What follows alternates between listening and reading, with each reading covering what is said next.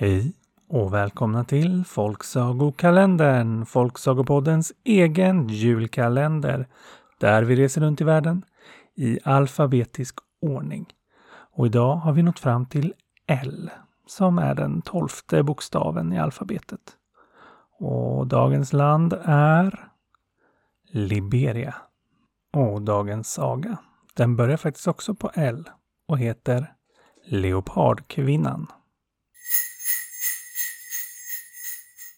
Det var en gång en man och en kvinna som skulle ut på en lång vandring och de skulle ha med sig sitt lilla barn.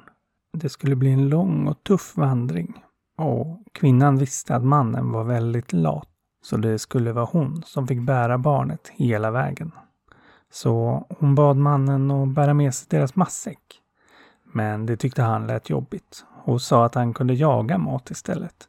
För hans vapen var mycket lättare att bära. Kvinnan frågade honom om han kunde lova det då. Att han jagade om hon bar barnet. Och han sa att det skulle han göra. Och så började de vandringen. Det var varmt och den var lång och det var tungt att bära det lilla barnet. Och när de vandrat nästan en hel dag och skulle slå läger var både mannen och kvinnan mycket trötta.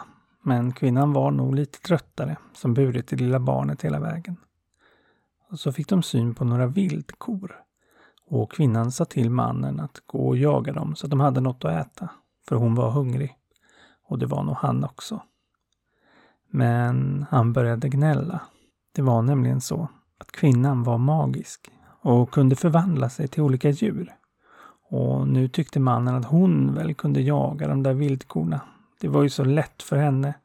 Hon kunde ju bara förvandla sig till till exempel en leopard och fälla dem. Han var ju tvungen att använda vapen och det skulle bli så jobbigt. Ja, han hade visst glömt vad han hade lovat. Så kvinnan tog ett djupt andetag och så förvandlade hon sig till en stor leopard med långa vassa tänder. Men istället för att springa mot vildkorna så vände hon sig mot mannen och började långsamt gå mot honom samtidigt som hon visade sina långa vassa leopardtänder och fällde ut sina klor. Ja, mannen blev förstås livrädd och hon jagade honom ända upp i ett träd en bit bort. Och när han satt där uppe och flämtade och såg ut som han skulle kissa på sig av rädsla, då vände hon, sprang mot vildkorna, fällde en av dem och släpade tillbaks till där de slagit upp läger. Sen förvandlade hon sig tillbaka till människa, plockade upp sitt lilla barn, gick bort till trädet och sa det här är sista gången jag gör något som du lovat att göra.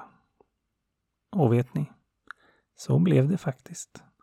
Från den dagen var mannen mycket noga med att göra det han hade lovat.